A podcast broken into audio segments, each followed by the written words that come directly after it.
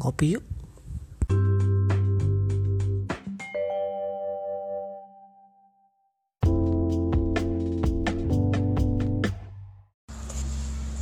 Oke, sekarang eh, saya dari podcast Ngopi Yuk bareng sama Mas Teguh dan Arif pengen eh, tanya-tanya tentang eh, kafenya Mas Teguh nih. Namanya unik dan mungkin eh, baru ya, yaitu kopi tadi pagi. Kopi tadi pagi eh, tadi pagi Coffee and Roastery. Oke Mas Teguh, eh, saya mau tanya nih, kenapa eh, awal mula eh, nama tadi pagi Coffee and Roastery itu eh, tadi pagi Coffee and Roastery dari mana? Atau sejarahnya awalnya? Langsung sejarah ya? Langsung. kenapa namanya tadi pagi Coffee and Roastery? nggak biasanya kan kalau orang dengar sejarah langsung apaan sejarah? Bagi sejarah yang lain ya. Oke eh, halo teman-teman semuanya pendengar. Jadi tadi pagi coffee and roastery itu namanya mungkin sebelum ke nama sejarah awal mula gua kenal kopi ya? Ya, awal awal mula sejarahnya gua kenal kopi kecelakaan silakan. Selain gimana ya? Ada tabrakan atau atau tumbukan atau gimana? kecelakaan ya jadi sebetulnya basic gua adalah bisnis online Hmm.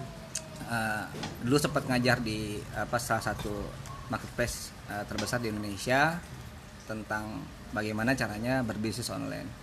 Ketika itu uh, kita kumpulin 150 anak muda dalam waktu tiga bulan kita semacam di inkubasi Inkubasi, iya. ya dari pagi sampai sore Senin sampai Jumat nah itu kita latih mereka yang dari mulai tidak memiliki apa pun tidak memiliki modal sedikit pun tidak mempunyai produk tidak punya keahlian kita latih Alhamdulillah dalam waktu tiga bulan omset mereka dapat 4,5 miliar Oh gitu. Ah. Jadi naiknya signifikan sekali ya. Ah, jadi emang basicnya jualan gitu ya Gitu. dan selama ini ya gue jualan jualan online apa aja gitu palu gada gitu kan nah ketika itu temen gua eh, dia biasa baru mulai terjun ke bisnis nafsu. Belanjalah dia belanja kopi banyak. Nah kopi yang dia beli bubuk. Bubuk nah gitu kan. Beli banyak sekitar ada kalau divaluasi sekitar 50 sampai 100 juta lah. Nah dengan kondisi bubuk seperti itu kan harusnya sebelum gua tahu ya sebelum gua Iya. tahu expire-nya itu kan harusnya dua bulan Dua bulan. nah itu udah berbulan-bulan tuh Mungkin uh, baunya udah rada-rada apok gitu ya. ngerti juga ketika itu nggak ngerti juga tahu ya? ya kan cuman yang gue tahu ini katanya kopinya premium Hmm. jadi bukan kalaupun mau dijual nggak bisa dimasuk ke pasar-pasar menengah ke bawah gitu kan Iya. ya udah saya coba bantuin dipikir-pikir ini kayaknya harus di repacking. Akhirnya saya repacking Selamat datang Pak Anto. Ini juga owner kopi juga ini. oke lanjut Lanjut. akhirnya saya repacking dijadiin drip bag Oh, nah gitu. alhamdulillah tuh ketika itu langsung tiga bulan habis Habis. barangnya Cepat juga ya sebulan bisa habis. Itu uh, estimasi dari 100 juta itu dapat berapa ribu kilo atau berapa ton? Enggak, enggak sampai satu ton. Karena emang kopinya mahal-mahal. Hmm. Satu uh, bag itu 250 gram tuh ada yang 100 200 ribu gitu ya. Jadi nggak nggak begitu banyak sih. Cuman kalau udah di packing, repacking gitu kecil-kecil tuh udah banyak banget, ada ribuan. Nah, akhirnya kejual. Terus saya mulai tanya, ini gimana kelanjutannya? Cuma teman saya ya udah langsung aja lah komunikasi sama suppliernya langsung. Akhirnya saya beli sama suppliernya ketika itu. Cuman yang menarik adalah ketika sudah berjalan beberapa bulan akhirnya mulai muncul komplainan. Karena ya memang berawal tidak berawal dari ketidaktahuan tentang kopi ini kan. Kopi bubuk yang fine, green, Green. yang halus banget, yang kayak bedak, saya bikin kayak drip bag, dibikin pour off, uh, pour over. Udah over. Ya kan? Kayak gimana tuh jadinya tuh kan. akhirnya mulai banyak orang yang komplain. Dari situlah saya dipaksa untuk belajar kopi. Nah, itulah kecelakaan saya. Sejarah awal sebelum ya tadi ya Tadi pagi ya. Tadi pagi. Akhirnya uh, apa mesin yang pertama saya beli adalah grinder. Grinder. Di grinder ini juga saya salah beli. Karena yang nggak tahu juga tentang kopi, akhirnya saya beli asal grinder, grinder yang saya beli merek merek asal-asalan ya cuma 5 ribuan baru datang hari pertama hari itu juga saya beli lagi yang baru karena emang nggak bisa gitu kan Oh, jadi ternyata mesinnya eh, mesin grinder ya, bukan yang manual grinder. Berarti. bukan mesin sudah pakai elektrik cuman yang harga buat ini kan. 500-an nah ya karena saya udah masuknya kan skala home industry sedangkan itu untuk eh, rumahan untuk pribadi Atau yang baru belajar apa usaha kopi yang belum banyak pembelinya gitu. Iya.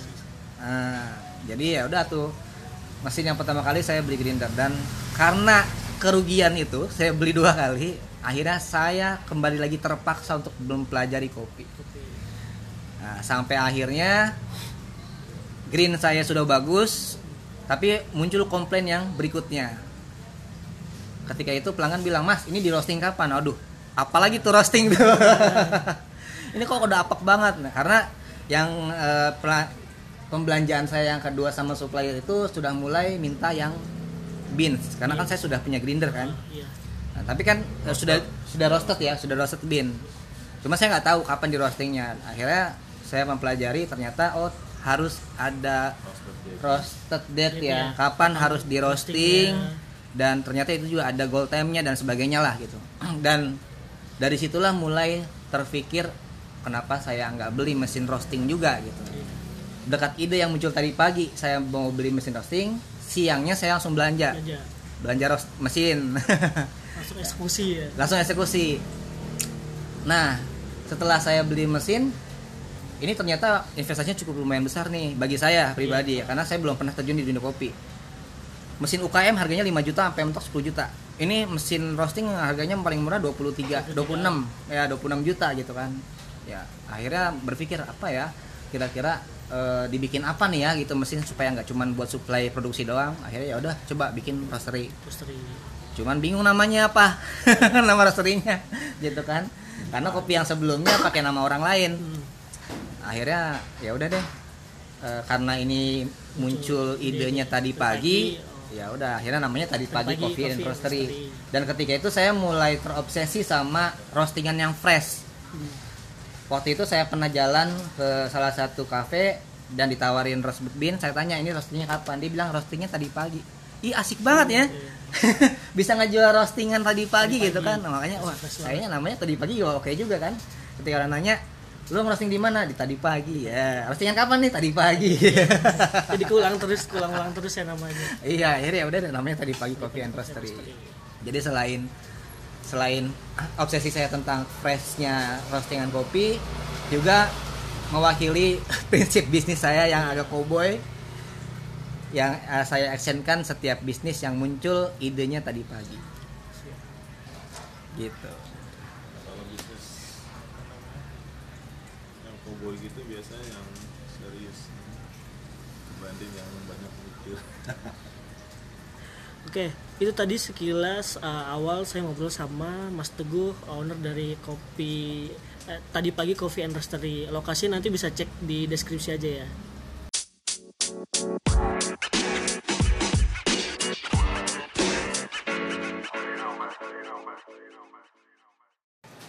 Oke, di segmen ini saya akan coba tanya sama Mas Teguh gimana sih eh, basicnya eh, roastery kopi, eh, roasting kopi yang ya gampang dicerna lah gitu. Jadi teman-teman kalau misalkan mau roasting atau belajar roasting kopi bisa ke tadi pagi roastery.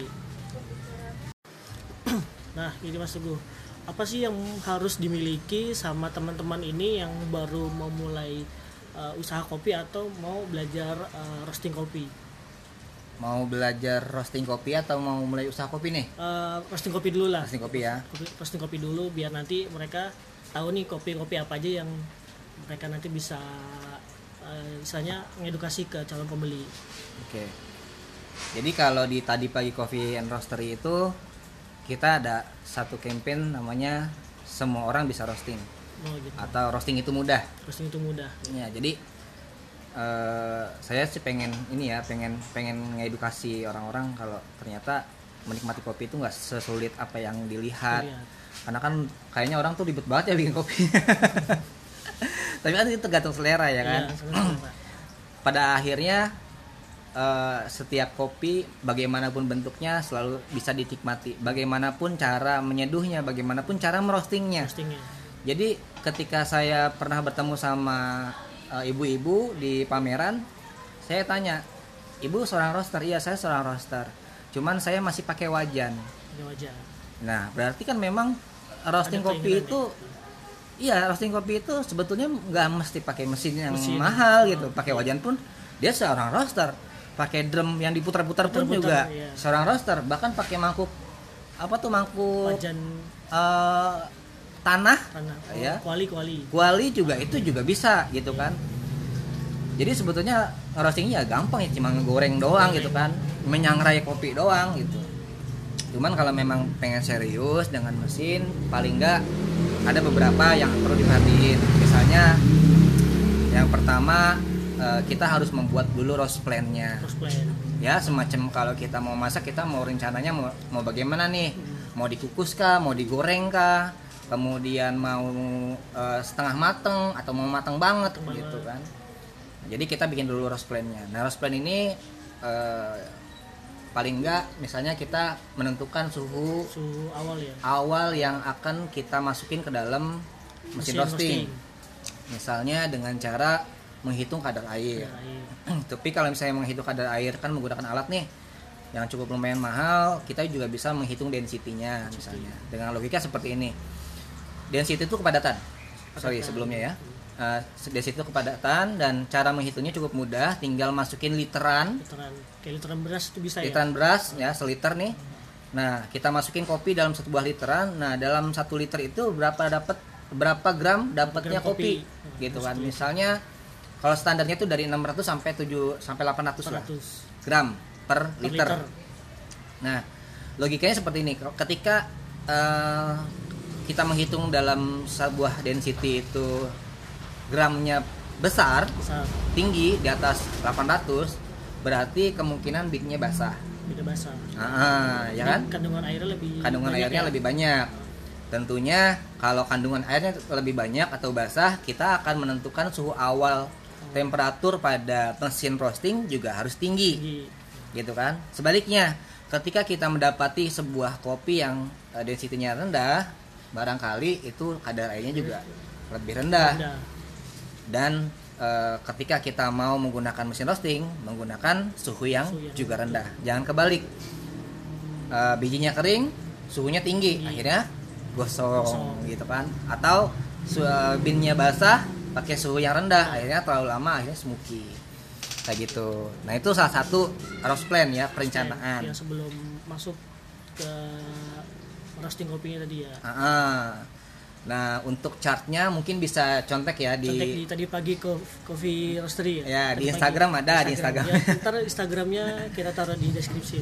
Ya, jadi nanti di situ juga ada penjelasannya gimana sih kalau kita udah dapet nih satuannya oh satu eh, kopi saya ini 650 gram per liter density-nya. Nah, itu harus pakai final temperatur berapa, sages roast levelnya berapa, aktron meternya berapa dan sebagainya. Nah, eh, salah satunya itu ya. Kemudian ada juga tadi roast level. Terus level. Roast levelnya misalnya dia mau pakai yang eh, medium atau light atau dark atau medium itu dark dan sebagainya. Itu juga salah satunya kita tentuin dulu di awal. Di roast pan tadi ya. Mm-mm, di roast band itu kita tentuin kira-kira kita mau mau apa nih dan itu berpengaruh sama rasanya. Rasanya.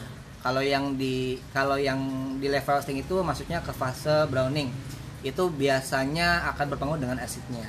Sipnya. Ya semakin terang semakin asam. Gitu. Ya misalnya kalau kita mau main light berarti ya berarti kita ngambil asamnya gitu. Oh, gitu. Itu roast plan-nya. Setelah roast plan barulah kita ke eh, melakukan roastingnya. Roastingnya. Nah di roasting ini dasarnya itu ada tiga fase.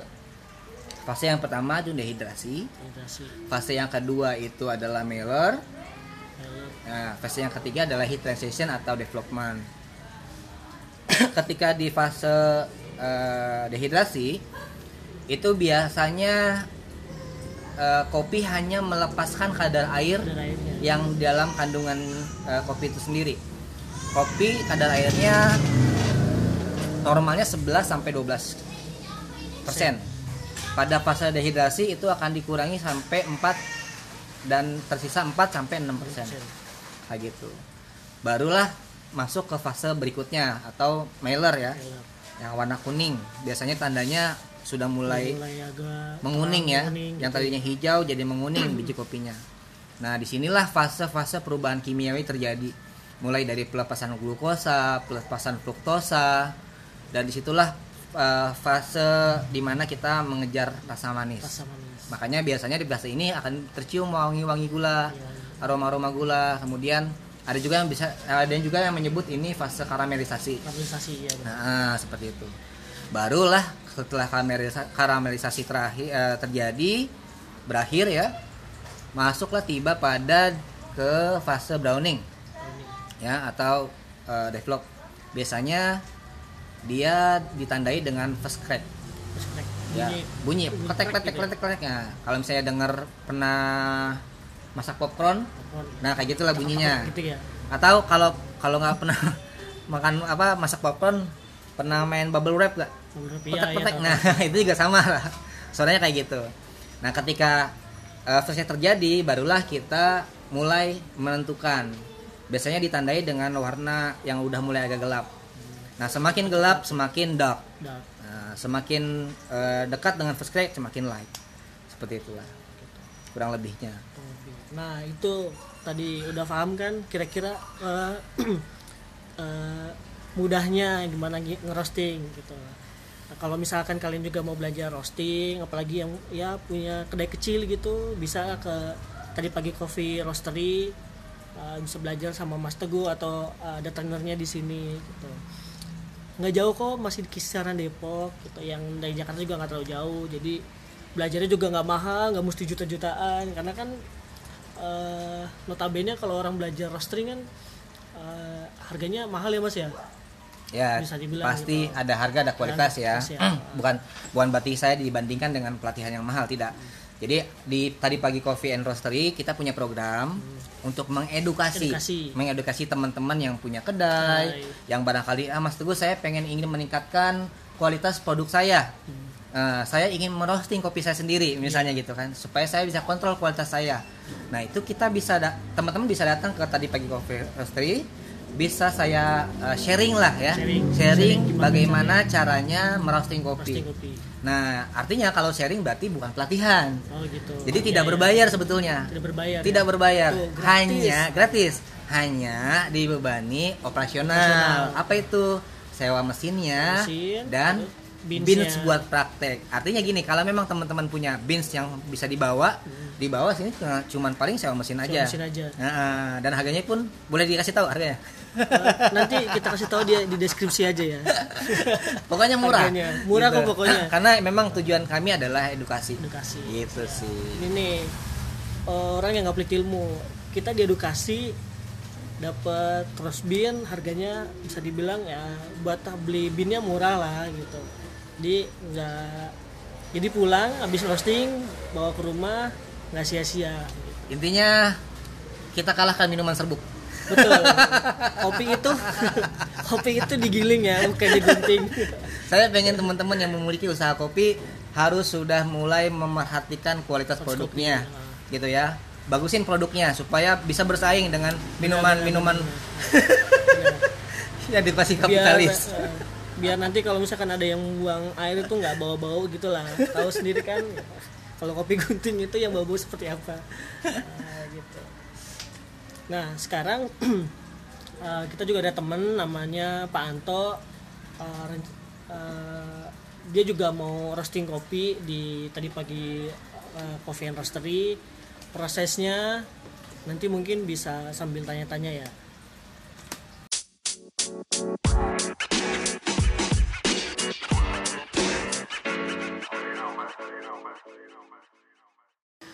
Oke, eh, buat temen-temen yang tadi sebenarnya di awal eh, di pertengahan tadi udah kita sebutin, kita kasih tahu juga kalau mau belajar eh, roasting bisa ke tadi pagi Coffee and Roastery dan di sini bisa diedukasi sama Mas Teguh atau sama trainer-trainer yang ada di sini dan juga ya mungkin bisa belajar juga lah gimana sih nyeduh eh, dapat kopi yang bagus sesuai dengan hasil yang kalian roasting. Nah, sekarang closing statement dari Mas Teguh nih sebagai owner tadi pagi Coffee and Roastery apa ya? Tadi kayaknya udah banyak ya pada intinya eh, kopi itu soal selera ya. Selera jadi ada kopi yang cocok bagi saya dan tidak cocok bagi saya. Bukan berarti seduhannya atau roastingannya nggak bagus. Dan kopi itu cukup sederhana sesederhana bagaimanapun cara menikmatinya jadi kalau ada pikiran kopi itu sulit kopi itu mahal ya buang jauh-jauh lah apalagi kita eh, penghasil kopi terbesar Iya, ya kan di dunia keberapa keempat ya keempat Keempat. Brazil sama. Vietnam. Vietnam Vietnam. Cuma kan miris banget nih kalau Iya. ternyata kita orang pribumi aslinya dari negara yang menghasilkan kopi terbesar di dunia tapi tidak Penikmatnya mengetahui sedikit, iya tidak mengetahui apalagi penikmatnya sedikit Iya, gitu. tidak mengetahui bagaimana proses uh, kopi. Kopi. karena tadi udah asumsinya udah ah kayaknya susah banget nih gitu. Atau memilih kopi yang lebih instan gitu kan. Ini Selain cepet gitu. selain murah gampang, padahal juga kopi yang biasa juga gampang kok bikinnya gitu kan.